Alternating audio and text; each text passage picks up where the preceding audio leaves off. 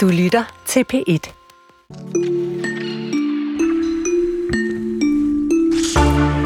Hvorfor vælger en anerkendt dansk HIV-forsker at forlade alt, altså karriere, ejendel, konen og en lille dreng, for at blive buddhistisk skovmunk i Sri Lanka?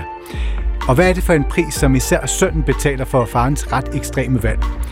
De spørgsmål forsøger den premiereaktuelle dokumentarfilm Munken at give nogle svar på, og senere i den her time, der kan du møde instruktørerne bag filmen og den nu voksne søn, der er blevet forladt. Mm. Og så lægger vi vejen forbi øh, Rena Sofia i øh, Madrid, hvor man nu endelig, for nogens vedkommende, jeg er sådan set ligeglad, kan få lov til at hive mobilen frem og gennemfotografere Picassos ikoniske maleri Guernica, hvis man har lyst til det. Fordi ligesom øh, flere andre store museer, New York, Paris og i København, der har museet nemlig valgt at nedlægge det her fotoforbud, der ellers altid har været. Hvad betyder det for vores oplevelse som museumsgæster, at alle nu står og fægter med deres smartphones foran malerierne? Det skal vi høre om i slutningen af det her program. Du lytter til Kulturen, og i studiet er Jesper Dein og Chris Pedersen. Vi starter i dejlige Berlin. Berlins Statsoper er blevet ramt af protester, fordi den nægter at aflyse den russiske sopran Anna Netrebkos optræden på operaen. Og Anna Netrebko, det er hende her.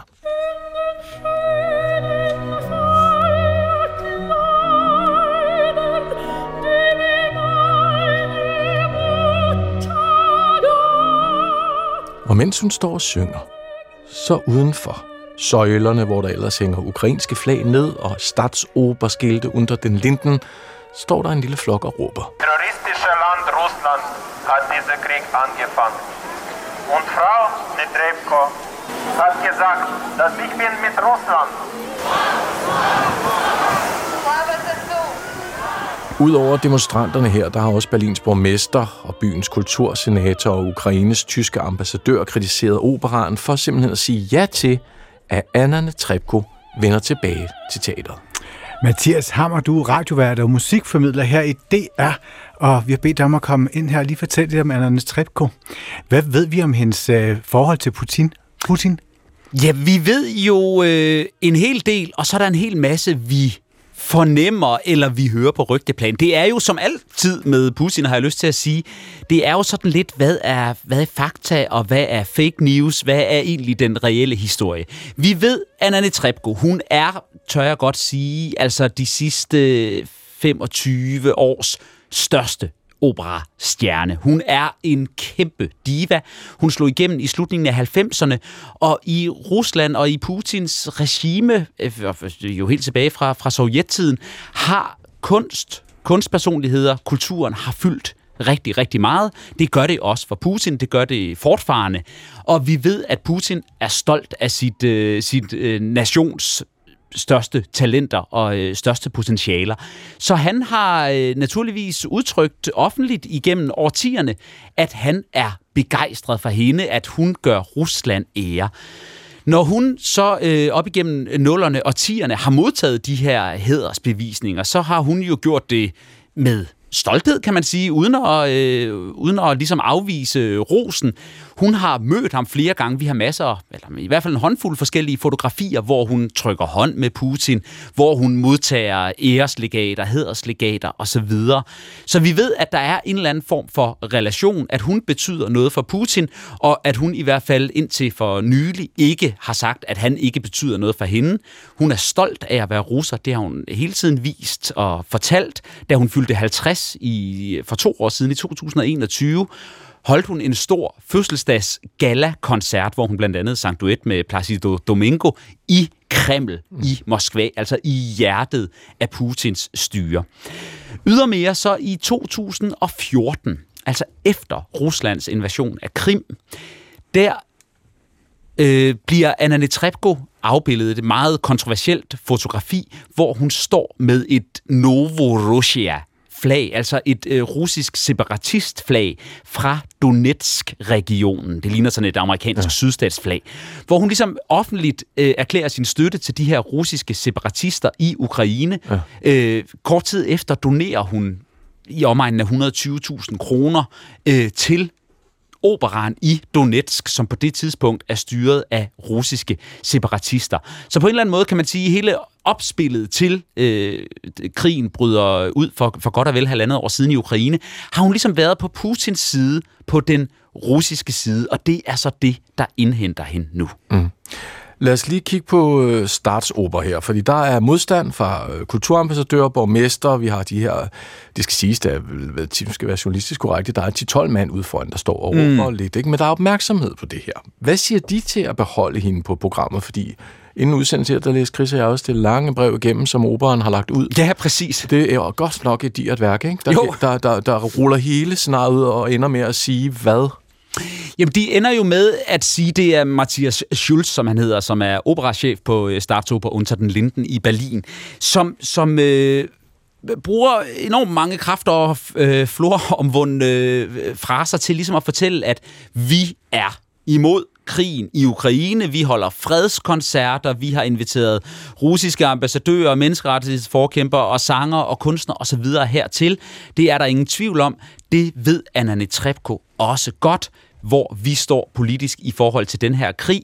Men vi er også nødt til at sige, at kunsten skal have øh, vækstvilkårene skal have mulighed. Hun er simpelthen en god sangerinde, og Netrebko har øh, i marts måned, altså øh, kort tid efter krigen brød ud, været ude offentligt, efter hun trak sig tilbage, da alt ramlede for hende, alt blev aflyst jo også i Aarhus kort tid efter krigen brød ud, hvor koncerten med, med hende i Musikhuset i Aarhus blev aflyst, var hun ude og tage afstand fra krigen. Mm. Sagen er den, at hun tager hun, tager, hun fort, øh, erklærer sig apolitisk. Hun er ikke medlem af noget politisk parti. Hun gør et stort nummer ud af, at hun kun har mødt Putin få gange, og kun ved øh, OL-ceremoni og ved, når hun har modtaget øh, hedersbevisninger, og at hun ikke støtter krigen. Mm. Men hun tager ikke afstand fra, hun tager måske afstand fra krigen, men hun tager ikke afstand fra, fra Putin. Putin. Nej.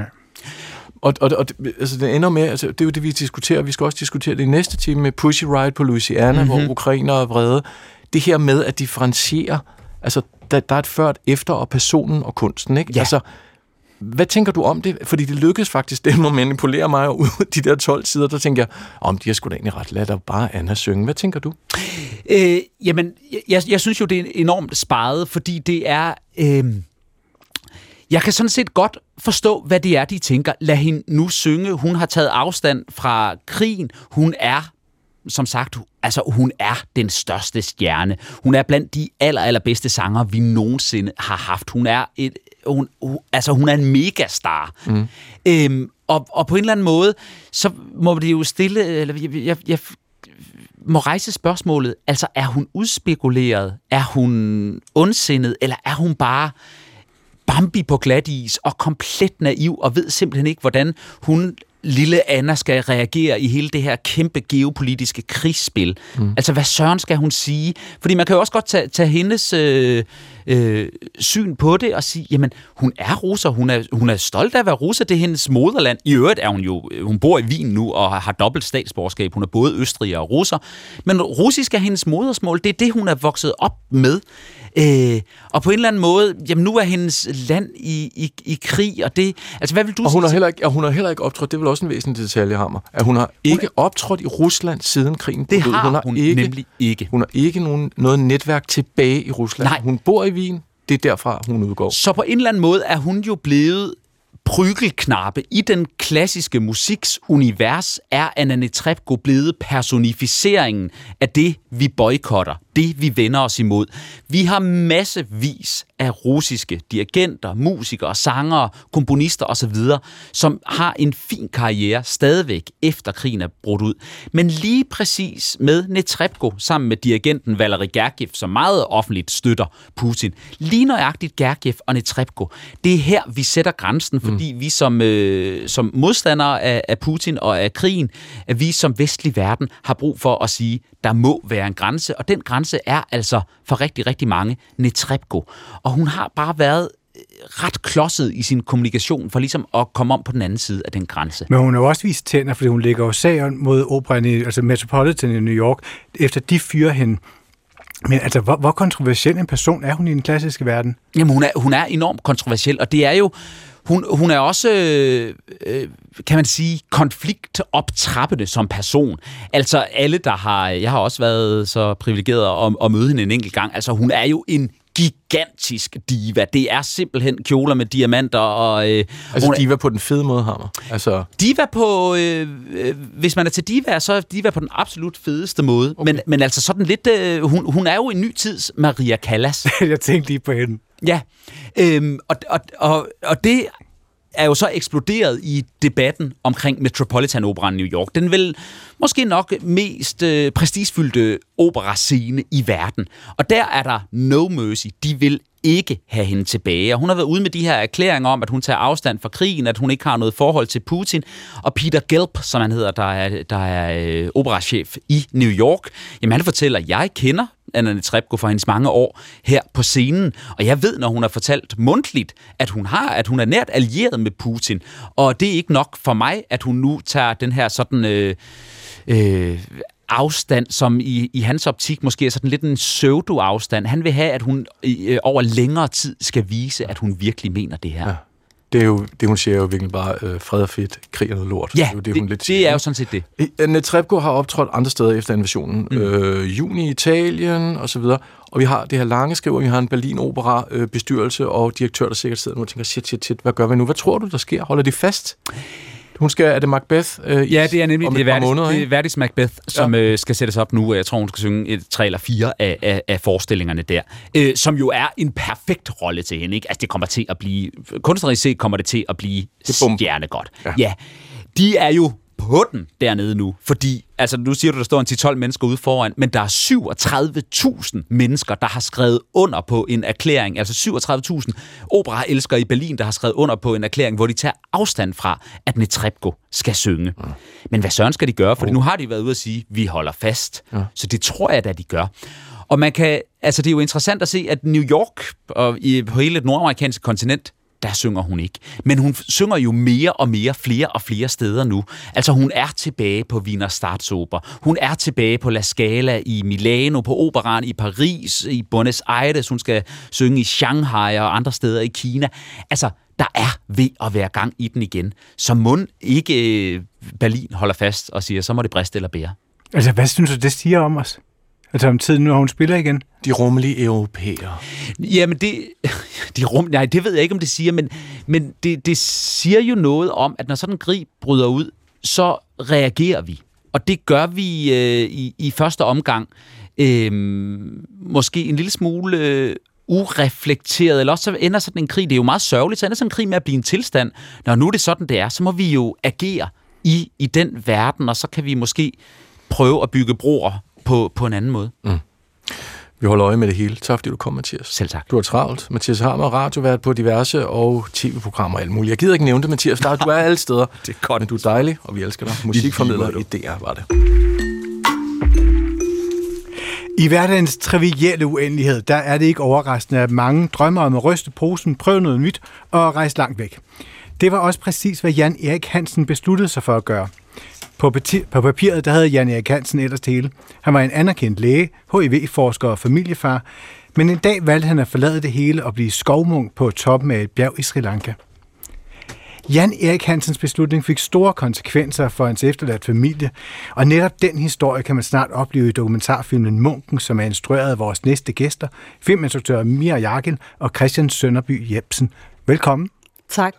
Der står I der og smiler, har koordineret og har sort tøj på begge to. Det ser virkelig smukt ud. Øh, det skal vi ikke snakke om tøjet. Vi skal snakke om munken. Den indledes med den besked, som øh, I to sendte til Jan. Skal vi ikke lige høre den? Kære Jan, jeg har set dine videoer på YouTube, og jeg er blevet fascineret af dit radikale valg om at forlade det vestlige samfund for at blive skovmunk i Sri Lanka. Jeg kan se, at det er 17 år siden, du rejste. Min mand og jeg kan selv føle os fanget i hamsterhjulet. Vi er begge dokumentarister, og har tænkt over, hvad det måtte var, der fik en af Danmarks mest lovende videnskabsmænd til at forlade sin karriere og familie for at flytte ud på et bjerg helt alene. Det var dig, Mia. Ja. Som vi kan høre på beskeden her, så befandt I jer øh, selv i hamsterhjulet, som I kalder det på det tidspunkt. Hvad fascinerede jer ved Jans historie? Altså ja, som sagt, så var vi selv et sted, hvor at, øh, vi nærmest ikke havde sovet i tre år, fordi vi havde fået vores første barn, der havde problemer med ørerne. Og, Den er aldrig god.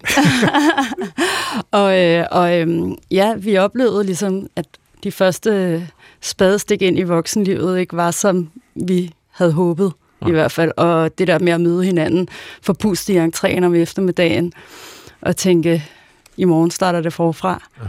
Og så øh, begyndte vi øh, at researche, øh, fordi vi er dokumentarister, og tænkte, vi må, vi må rejse ud i verden og se, om, om der er nogen, der, der har et alternativ til det her liv. Og så begyndte vi at researche øh, på nettet øh, efter nogen, som havde trukket stikket. Og så havnede vi på Munkens YouTube-kanal og blev ret overrasket over, at her sad en munk, som underkøbet var dansker, mm. havde sin egen YouTube-kanal. Det er også en flippet historie. Og jeg tænker, vi skal lige klare, at det er jo faktisk jer, som er ægteparet. I to, I Ja. sammen, Christian Ja, ja. og Mia, ikke? det er korrekt. Men de besøgte Jan i Sri Lanka i 2018 for at starte den her film. Altså, hvilke menneske mødte I deroppe på toppen af bjerget? Ja, altså det var... Øhm, det var, han, var, han var helt klart helt meget anderledes, end, end hvad jeg umiddelbart ville forvente øh, af en øh, buddhistisk skovmunk, der har boet isoleret i 17 år på en bjergtop. Øh, og det var også det, som gjorde ham spændende, synes jeg, fordi at man kunne måske godt tænke, så nu, nu møder jeg en, som er en mand af få ord, og som sidder og er helt sendagtig. Ja. Men øh, vi mødte et, øh, et øh, energisk sludersatol, må man sige.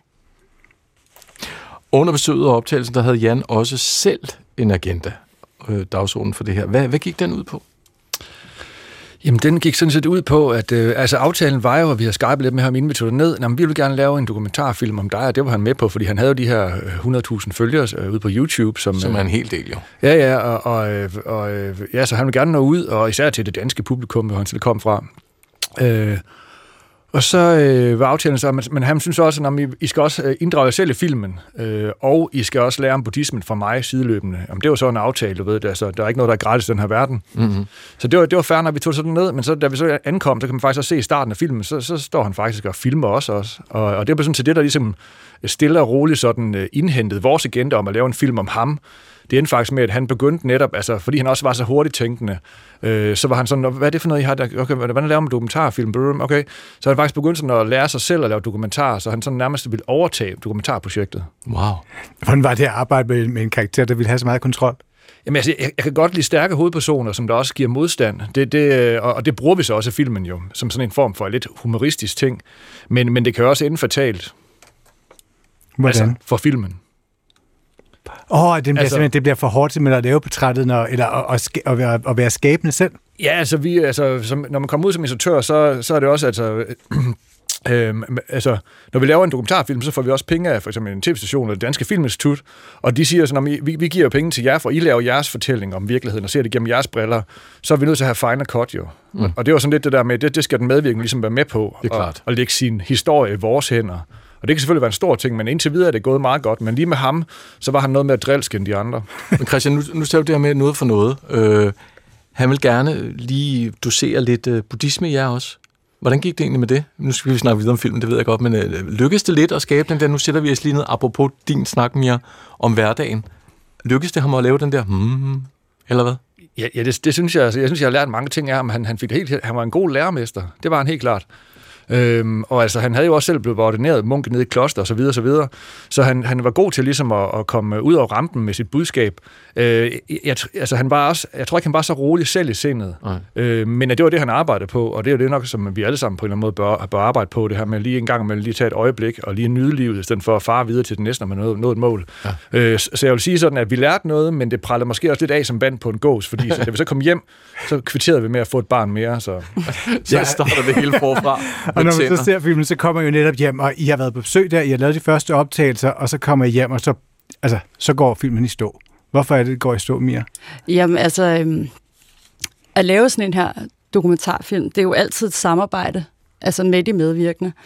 Øh, og, og her, der, der oplevede vi, at samarbejdet ligesom stødte på grund. Det var svært at komme videre, altså fordi at, at, at han, han havde en anden dagsorden, og det var ikke fordi, vi blev uvenner, men, men, øh, men vi måtte simpelthen tage en pause, og så se om tiden ligesom gjorde noget godt for os alle sammen i forhold til, om vi udviklede os i en retning, hvor vi kunne genoptage samarbejdet. Men altså, var det fordi, man stak sig på ham, at I, I simpelthen ikke øh, kom ind? Altså, han, han ønskede ikke at tale om, om sin fortid, og, mm. og, og vi synes, at det var svært at, at lave en film, hvor man ikke også øh, øh, berørte altså de, de konsekvenser, det også har haft for, altså for hans nærmeste. Ja. Øh, med, og, ja, fordi han havde en søn i Danmark, ikke? Eller har. Ja, ja, det er klart. Ja, det er jo netop det her med altså, klippet med sønnen. Han ja. beder om at få taget det her klip ud. Og nu skal vi høre et klip med hvad, Jan Erik Hansens søn Thor, som, som er med i filmen her. Ja. Hej Mia. Jeg skriver til dig med en sørgelig besked. Efter mere end 17 år i Sri Lanka kom min far endelig tilbage til Danmark, hvor han flyttede ind på et buddhistisk kloster. Kort tid efter tog han sit eget liv – Blandt de få ting, han har efterladt sig, var en harddisk med det, han havde filmet i sine sidste år på bjerget. Lad os mødes, når sorgen har lagt sig. Kærlig hilsen. Tom. Ja, det skal jo så fortælles, det sker ligesom midt i filmen, efter den er blevet lagt ned. Så det er lidt sådan et metadag, der kommer, den her dobbelthed. Men altså, hvordan er det at få sådan en, altså, sådan en mail fra hans søn? Jamen altså, det, vi var, da vi fik den besked, der var det jo rigtig chokerende, fordi det havde vi ikke i vores vildeste fantasi altså, set for os. Vi, hørte, vi, havde, vi vidste godt, at han var kommet tilbage til Danmark efter mange år på bjerget, men, øh, men ja, det var jo virkelig tragisk. Hvordan fordeler man den oplysning? En ting er sådan rent menneskeligt, men så som dokumentarist, så må det vel også være, altså hvornår bliver det til en gave, man kan arbejde videre med? Nej, altså i første omgang, så var det Altså, vi havde jo vi havde mødt øh, Thor allerede, øh, da vi startede, fordi at, at øh, munken havde selv givet os kontakter på sin ekskone og til Thor og sine øh, tidligere kollegaer og venner så, og far. Øh, så vi, så vi, vi kendte ham jo øh, fra den gang og havde en god kontakt. Øh, så i første omgang handlede det egentlig mere om, at, øh, at det var en, kunne være en gave for ham at se øh, det materiale, vi havde lavet. Så det var ikke egentlig ikke med, sådan, med, med en bagtanke om, mm. at nu skal vi videre. Det tænkte vi ikke mm. altså rigtigt på på det, på det tidspunkt.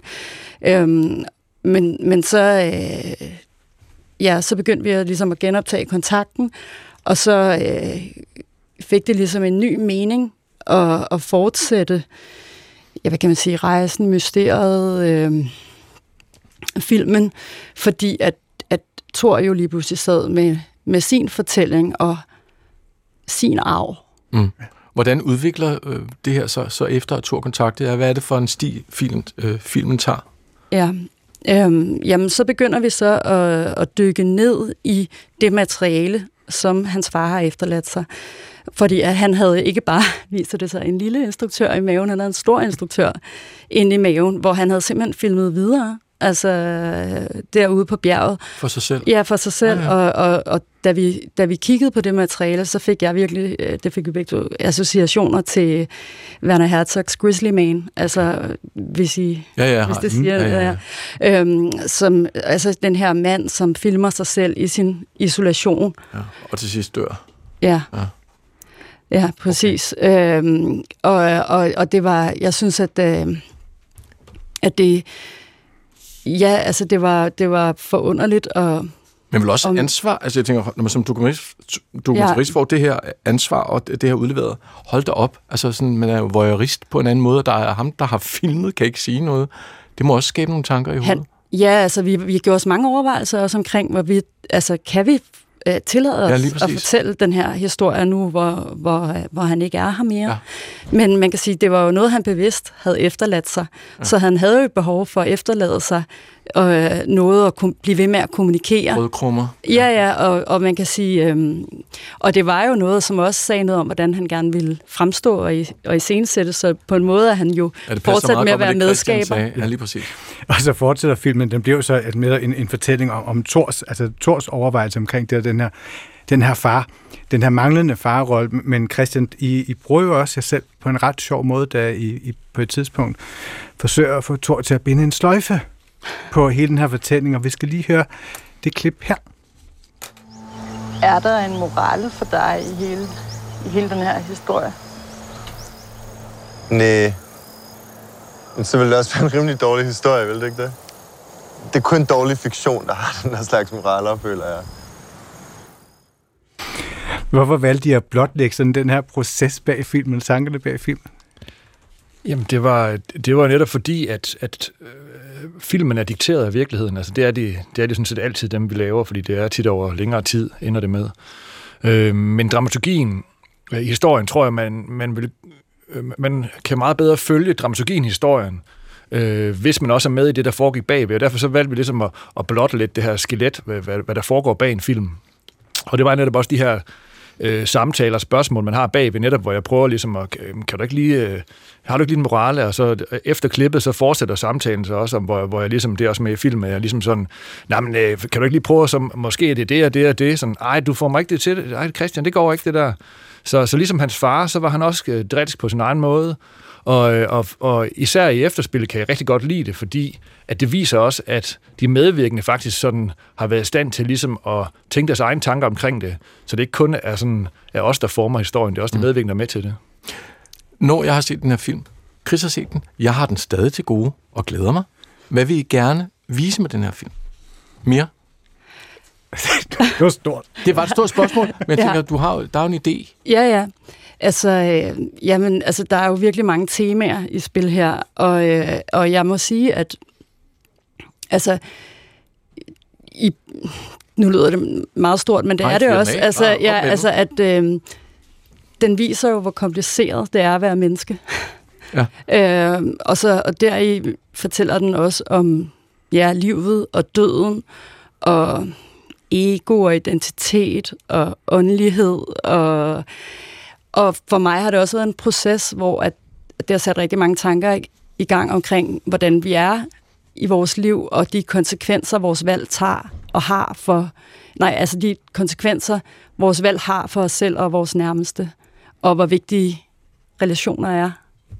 Jeg glæder mig til at se den. Hov, Christian. Jeg vil godt lige tilføje, at altså det, Mias, det er jo helt oppe i det højere luftlag, men helt nede på, på jorden, historien. Det er jo sådan set det her med, at der er en person, der har gjort det, som jeg tror, alle har tænkt på en eller anden dag. Det her med, at hvis jeg bare kunne trække stikket for det her, altså mit liv på pause, og ligesom bare tage et sted hen og komme væk og samle tankerne. Og han har faktisk, han har faktisk lavet det her radikale valg og udført det. Ja. Og så ligesom at, at følge det og se både konsekvenserne, både fordele og ulemper. Det, det, det er også det, som historien handler om. i Sådan den her meget simple historie, som vi alle sammen øh, drømmer om, men meget få gør det. Nej, og kan lære lidt af, måske. Ja, på den måde så bandt du en meget fin lille sløjfe på det her interview. Tak for besøget, Mia Jarkel og Christian Sønderby Jebsen, instruktørerne bag dokumentarfilmen Munken, som har premiere på torsdag den 21. september. Mange tak. Vi glæder os til at se jer i mørket. Jamen selvfølgelig. Vi fortsætter faktisk i sporet, fordi uh, Thor Tave Hansen, det er jo navnet på munkens søn. Han var syv år, da farmand rejste til Sri Lanka. I dag er han 29, og Kasper Dyrholm fra vores redaktion har besøgt ham. Du får resultatet her.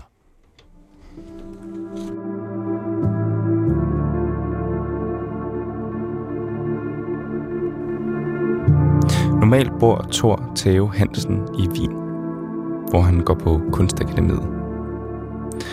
Men da jeg møder ham, er han i Danmark. Han har fået lov at bruge et mødelokale hos sin gudfars advokatfirma som atelier. Solen skinner, og det er varmt udenfor, da jeg besøger ham. Så vi laver en kop kaffe og sætter os ud i advokatkontorets lille gårdhave.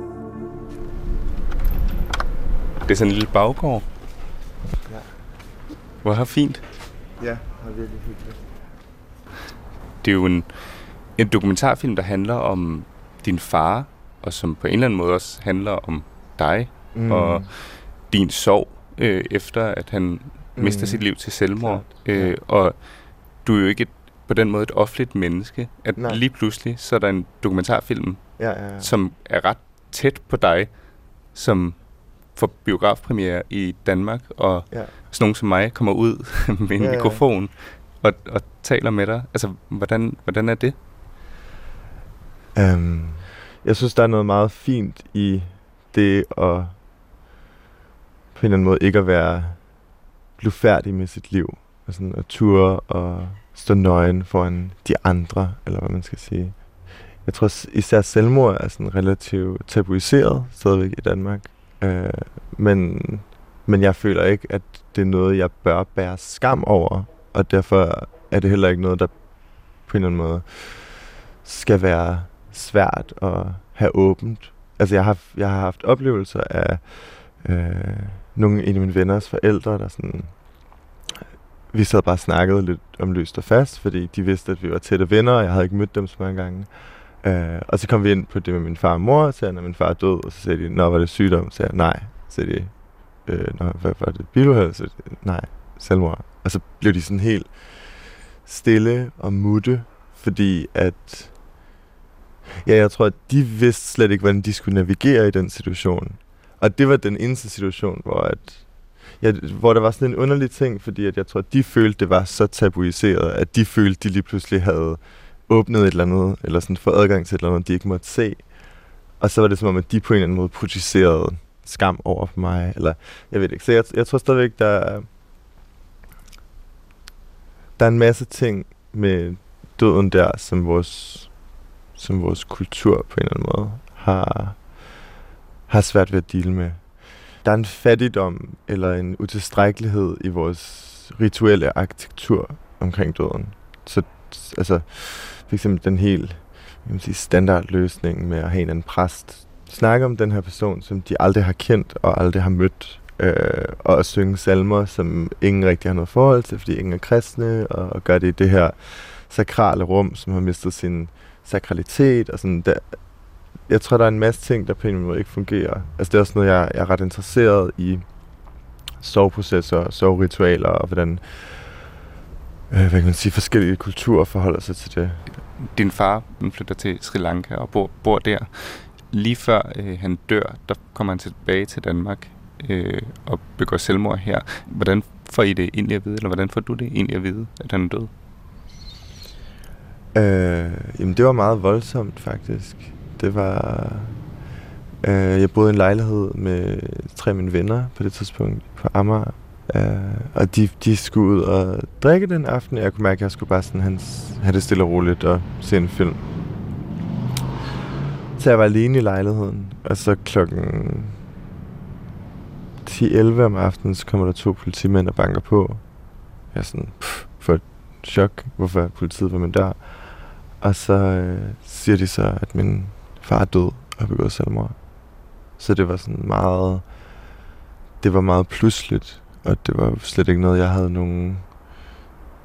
Ja, der var ligesom ikke nogen tegn eller nogen varsel, eller det kom bare sådan som et lyn. Ja. Hvad går der igennem dig, da de siger det? Hmm.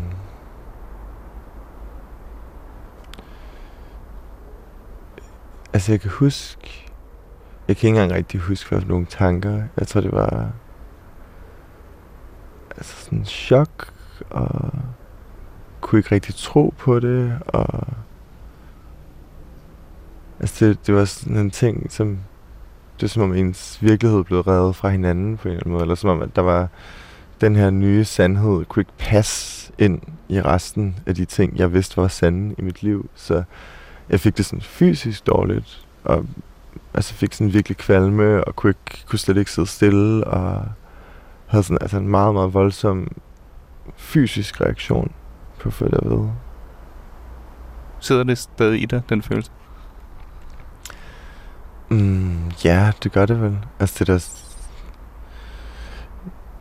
Jeg tror i højere grad end hele det tragiske forløb, som er nemmere for mig at snakke om, så tror jeg, at det der med øh, dødsøjeblikket, og det der med at være inde og se livet og sådan noget, det er stadigvæk sådan noget, hvor at jeg, når jeg snakker om det, så får man lidt øh, det der thousand yard stare, og sådan lige pludselig bliver fjern, og, og så, som om at man, man ligesom ser det igen, fordi det er jo, altså det har været, det er da nok noget af det mest traumatiske, jeg har oplevet i hele mit liv. Ja. Det er traumatisk, kalder du det. det er jo, på den måde bliver det jo måske et livsdefinerende øjeblik, eller det gør det, gør det jo nok. Altså, hvordan, Mm. hvordan stopper det øjeblik? Øhm. jeg ved ikke rigtigt, om det på den måde stopper. Jeg tror faktisk, det rigtigt stopper, da jeg falder i søvn. Altså, eller min ven kommer hjem, mens politiet stadigvæk er der, og så, så kan jeg huske, så sådan falder jeg lidt til ro. Øh, men hele den aften kan jeg slet ikke, jeg kan ikke rigtig være i noget. Og så kan jeg huske, at jeg faldt i søvn. Øh, og jeg tror nærmest ikke, jeg græd den første aften, fordi jeg var så, det var mere bare sådan chok og ubehag og kvalme, og, og kunne ikke rigtig finde frem til sorgen endnu. Og ringede til min mor og sagde det, og så faldt jeg så i søvn, og jeg havde ikke fortalt det til andre endnu. Så kan huske dagen efter, så vågnede jeg op, og så i de første 10 sekunder, og så man sådan, hvorfor har jeg det så dårligt? og kunne ikke forstå, altså sådan, fordi man lige er vågnet, så man kan mærke, at der er noget galt, men man kan ikke rigtig mærke hvad, og så husker man, når jeg, jeg i går fik jeg at vide, at min far var død. Uh, og så var det først der, at gråden rigtig kom, og jeg tror, det var først der, det rigtig begyndte at blive ægte. Det var lige udslag på den her. Den, den er oppe at køre igen. måske tage en pause bare i sådan 5 minutter? Ja, jamen, det kunne være så dejligt, okay. synes jeg. Helt sikkert.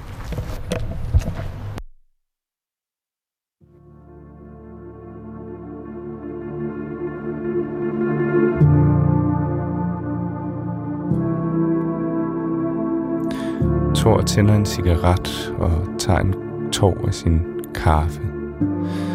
Så stiger han lidt tomt ud i luften.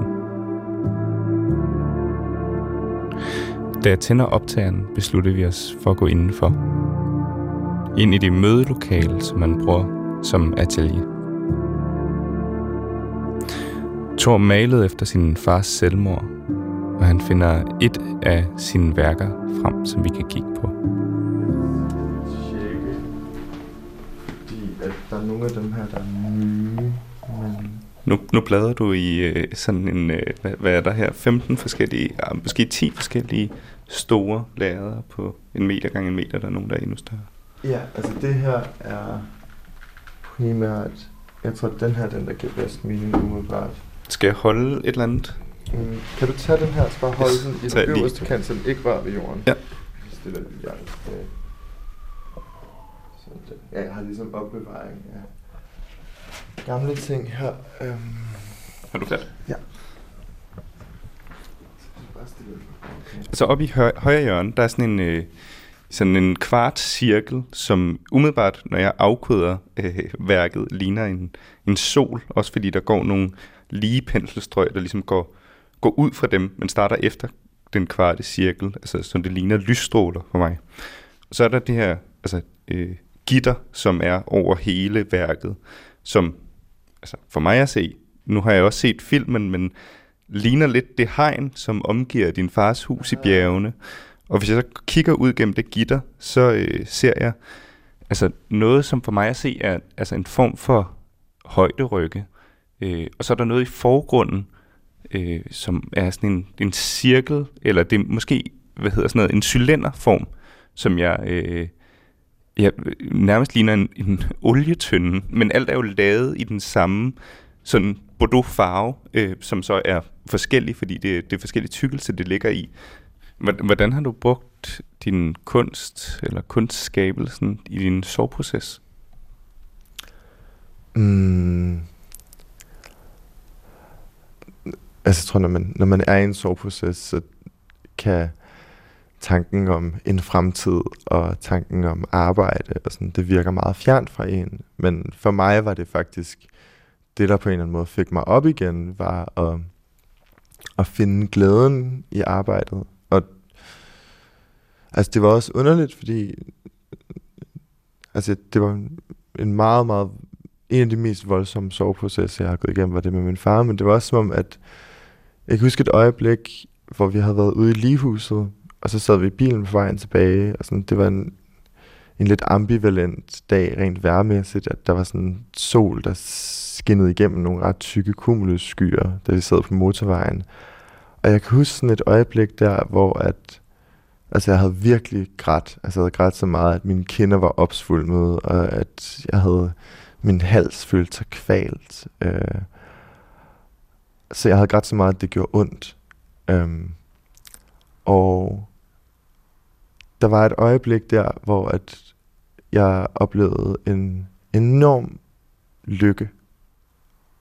Den måde, jeg har kunne forklare det på, var, at når man, man, man er virkelig til stede, når man er i så stor sorg. Man er virkelig til stede i det at være menneske, og i, i det øjeblik, man er i.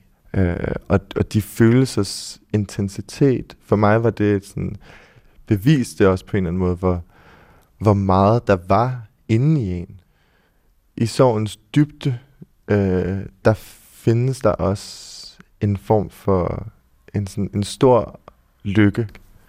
Jeg, jeg tænkte lidt på, altså da jeg så filmen om din far, så fik jeg virkelig et billede af ham, som på meget, mange måder et ekstremt menneske. Altså, han også, mm. altså da han er i Danmark og arbejder som læge, er han altså læge altså 1000 procent, og er dedikeret til lægegærningen. Alle hans venner ringer også, og han er læge for dem. Øh, så lige pludselig, så tager han det, som øh, i hvert fald for mig at se et radikalt livsvalg, og forlade øh, sin familie i Danmark, sit erhverv, sin hverdag, for at rejse til Sri Lanka, flytte op på et bjerg og blive buddhistisk munk. Altså, bor, bor den ekstremisme også i dig? Altså, det er farligt at bruge ordet ekstremisme, fordi det har nogle ret bestemte konnotationer. Øh, men jeg vil sige, jeg tror da især, at Altså jeg tror ligesom ham, når, jeg, når der er noget, jeg synes er virkelig interessant, så kan det på en eller anden måde også være noget, jeg bliver besat af. Og øh, min eskapisme er på en eller anden måde også bare at øh, arbejde med min kunst. Så i nogle af de perioder efterfølgende, hvor jeg har haft det virkelig dårligt, har den måde, jeg har bearbejdet det på, været i stedet for, som jeg tror, jeg ville have gjort tidligere i mit liv, at isolere mig i min lejlighed og ikke lave noget, og ligge og se dårlige film eller whatever, øh, så har det været at bare arbejde 80 timer om ugen og være på mit studio space hele tiden og ligesom bare producere. Din far bor jo i dig, eller i hvert fald dele af ham bor mm. i dig. Øh, det er måske ikke så mærkeligt, altså han er øh, sådan helt konkret halvdelen af det arvemateriale, der er dit fundament. Altså, men kan du nogensinde være altså, bange for den del af din far, der bor i dig? Mm. Mm, ja, til dels tror jeg, hvis jeg har været ked af det, eller været frustreret over en social eller romantisk relation, og, og være sådan, ej, hvorfor kan jeg ikke finde ud af det her, eller ej, hvorfor gjorde jeg det her, eller ej, hvorfor sagde jeg det her, eller ej, hvorfor kan jeg ikke forstå det her før nu, at så, så tror jeg godt, at, at i de situationer kan jeg godt sådan tegne en, en kausationsstreg, eller en relationsstreg til den øh, den sådan ydre position, min far havde. Fordi jeg tror også, han... Øh, altså, han var også et meget intenst menneske. Øh, og jeg ved, at der også er nogle af hans venner og, og nogle af hans bekendte for dengang han var ung, der sådan, har haft det svært ved den måde, han var på, eller sådan ikke rigtig har kunne rumme ham, eller han fyldte så meget. Og det tror jeg også, altså det er helt klart også noget, jeg har øhm, især tidligere i mit liv, tror jeg, jeg har været dårlig til at øh, altså give plads til andre, fordi så synes jeg, der var noget, der er helt vildt spændende at fortælle om, og så vil jeg gerne, så endte jeg med at stå og holde lektier i 10 minutter, fordi selvfølgelig vil alle andre også gerne høre om det her, og så måske var dårlig til at forstå at, at, at give plads til andre i samtalen. Øh, ja, det korte er, at jo, jeg tror også til dels, jeg at det er da noget, der nogle gange kan bekymre mig, at, at, at vi begge to har en, en specifik intensitet, og det er også noget, jeg er vildt glad for. Altså, jeg, er også, jeg er også stolt af at være min fars søn, ligesom jeg er stolt af at være min mors søn. Altså det tror jeg, det vil jeg egentlig gerne lige have med, fordi jeg tror både i mit eget, min indre mytologi om mit selv, om min ontogeni, eller altså, at, at jeg tror, jeg, der har været tegnet en eller anden sådan filiationsstreg fra, at, at jeg på en eller anden måde er resultatet af min far, fordi at hans historie er så spektakulær, at det er, så, det, det er et kraftfuldt billede på en eller anden måde. Ikke? Øhm, og det er jo på en eller anden måde helt vildt uretfærdigt over for min mor, som for det første har opfostret mig, og som for det andet er et lige så fantastisk og specielt og intellektuelt nysgerrigt menneske. Og, altså, jeg elsker virkelig min mor. Min mor har... Øh, hun er et meget specielt menneske. Øhm, til din fars begravelse, der læser du et digt op ja. af Dylan Thomas. Ja, ja.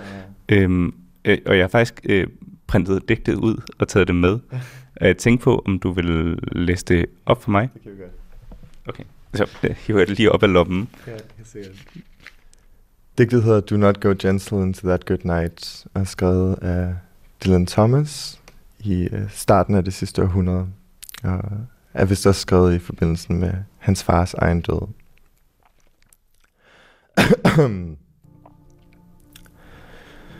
Do not go gentle into that good night. Old age should burn and rave at close of day. Rage, rage against the dying of the light. Though wise men at their end know dark is right, because their words had forked no lightning, they do not go gentle into that good night. Good men, the last wave by, crying how bright their frail deeds might have danced in a green bay. Rage, rage against the dying of the light. Wild men who caught and sang the sun in flight, and learned too late they grieved it on its way. Do not go gentle into that good night. Grave men near death who see with blinding sight, blind eyes could blaze like meteors and be gay. Rage, rage against the dying of the light. And you, my father, there on the sad heights, curse, bless me now with your fierce tears, I pray. Do not go gentle into that good night. Rage, rage against the dying of the light.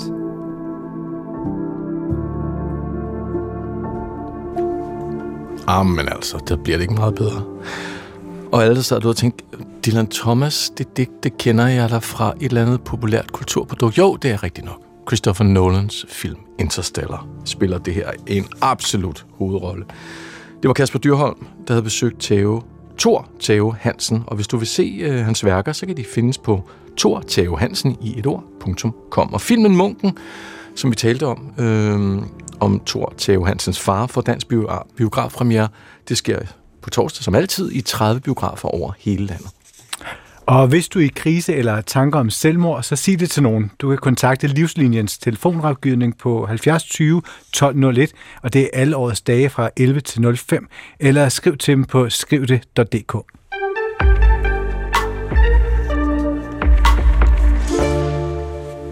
Jeg kender skiltet meget, meget, meget tydeligt. Det der fotografiapparat med en rød streg over. Det har stået hele min barndom og ungdom, alle de steder, man har været, når man har været på museum og blevet hævet med. Men øh, i løbet af de seneste år, der har en del museer valgt at ophæve forbud om at tage kamera frem og tage billeder. Det gælder i New York og Museet d'Orsay i Paris. Og nu har museet Reina Sofia i Madrid også valgt at ophæve fotoforbud, så alle bare kan få lov til at knipse løs mod Picassos berømte maleri Guernica. Tendensen den gælder også herhjemme i Danmark. Vi har besøg af Jonas Heide Schmidt, som er leder af digital, af digital kunst på Statens Museum for Kunst. Velkommen. Jo, tak. Statens Museum for Kunst, I har ikke noget fotoforbud. Hvordan kan det være?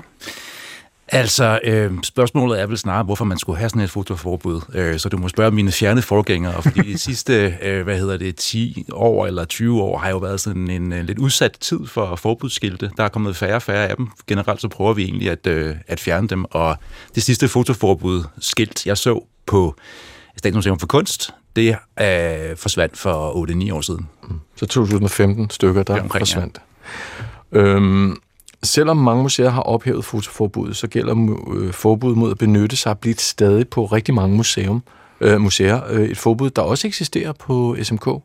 Øh, men spørgsmålet er, hvor skadelig blitzen fra en smartphone er.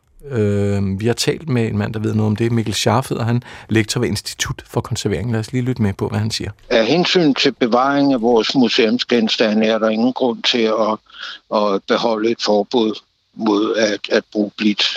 Det blev indført, fordi at man på museerne var klar over, at lys og anden form for stråling kan skade museumsgenstande. Det kan for eksempel blege farver. Hvis en genstand får for meget lys, så kan tekstiler de kan blive blegere med tiden. Det kan også betyde for eksempel, at noget, som er lavet med dårligt papir, avispapir for eksempel, det blev mere gult med tiden.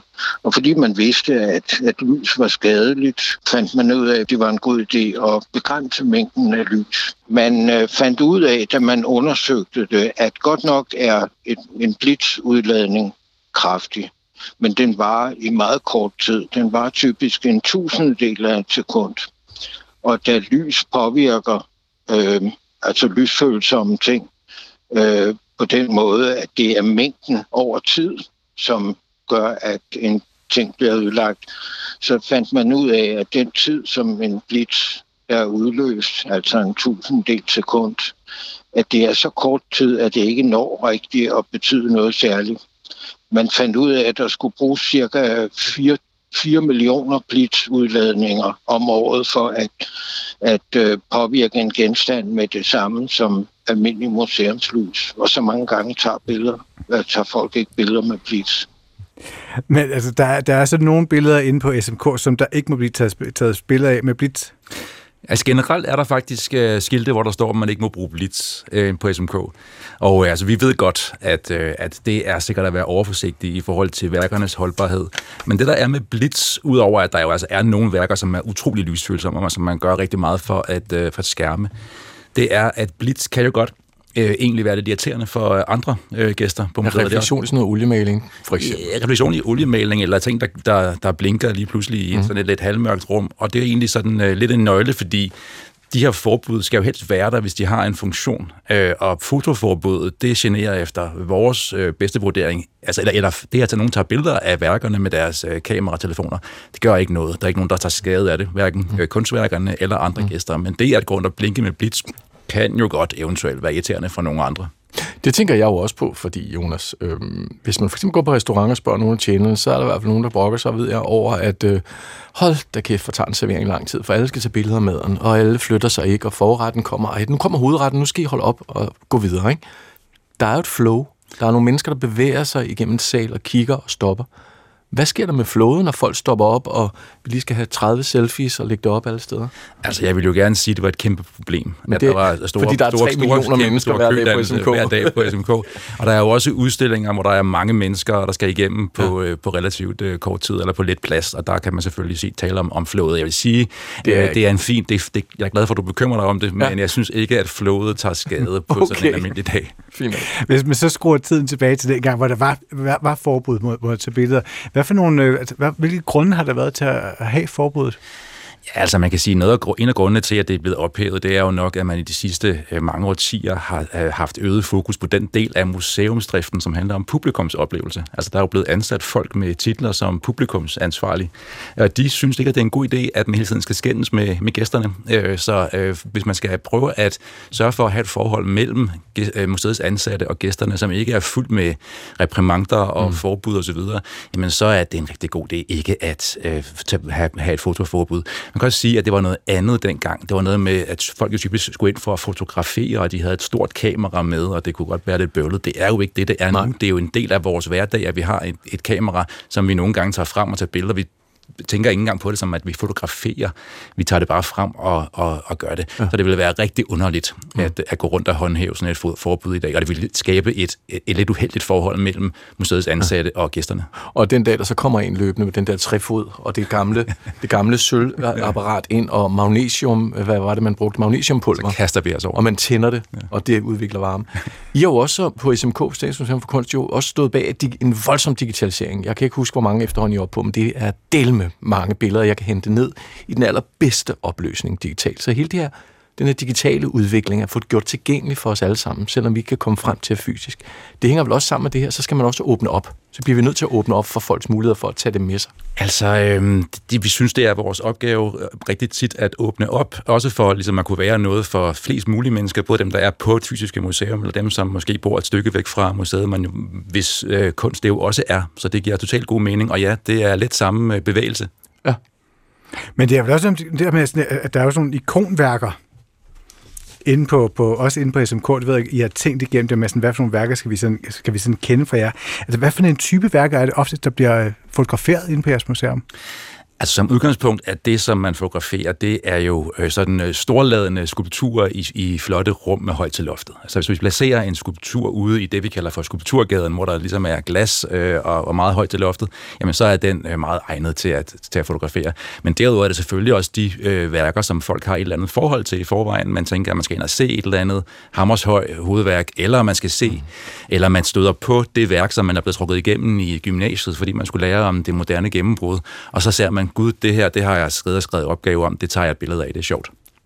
Hvordan har vores forhold til ophavsret forandret sig?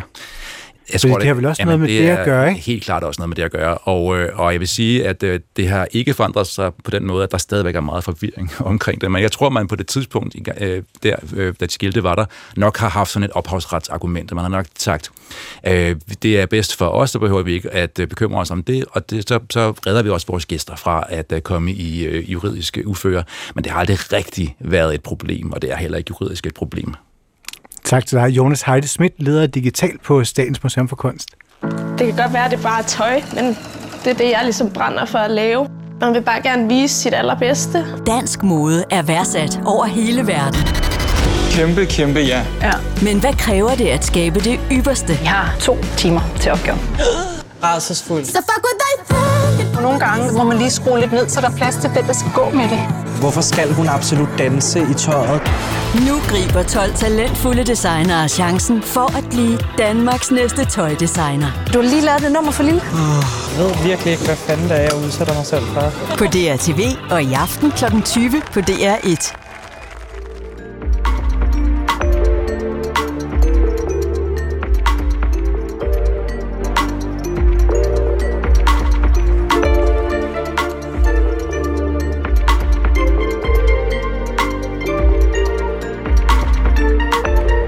Du får lige tre minutters nyheder, så er vi tilbage. Vi kommer forbi forældreintra, det der nu hedder Aula, og vi skal også forbi Helmand Provinsen.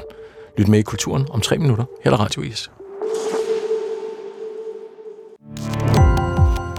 Gå på opdagelse i alle DR's podcast og radioprogrammer. I appen DR Lyd.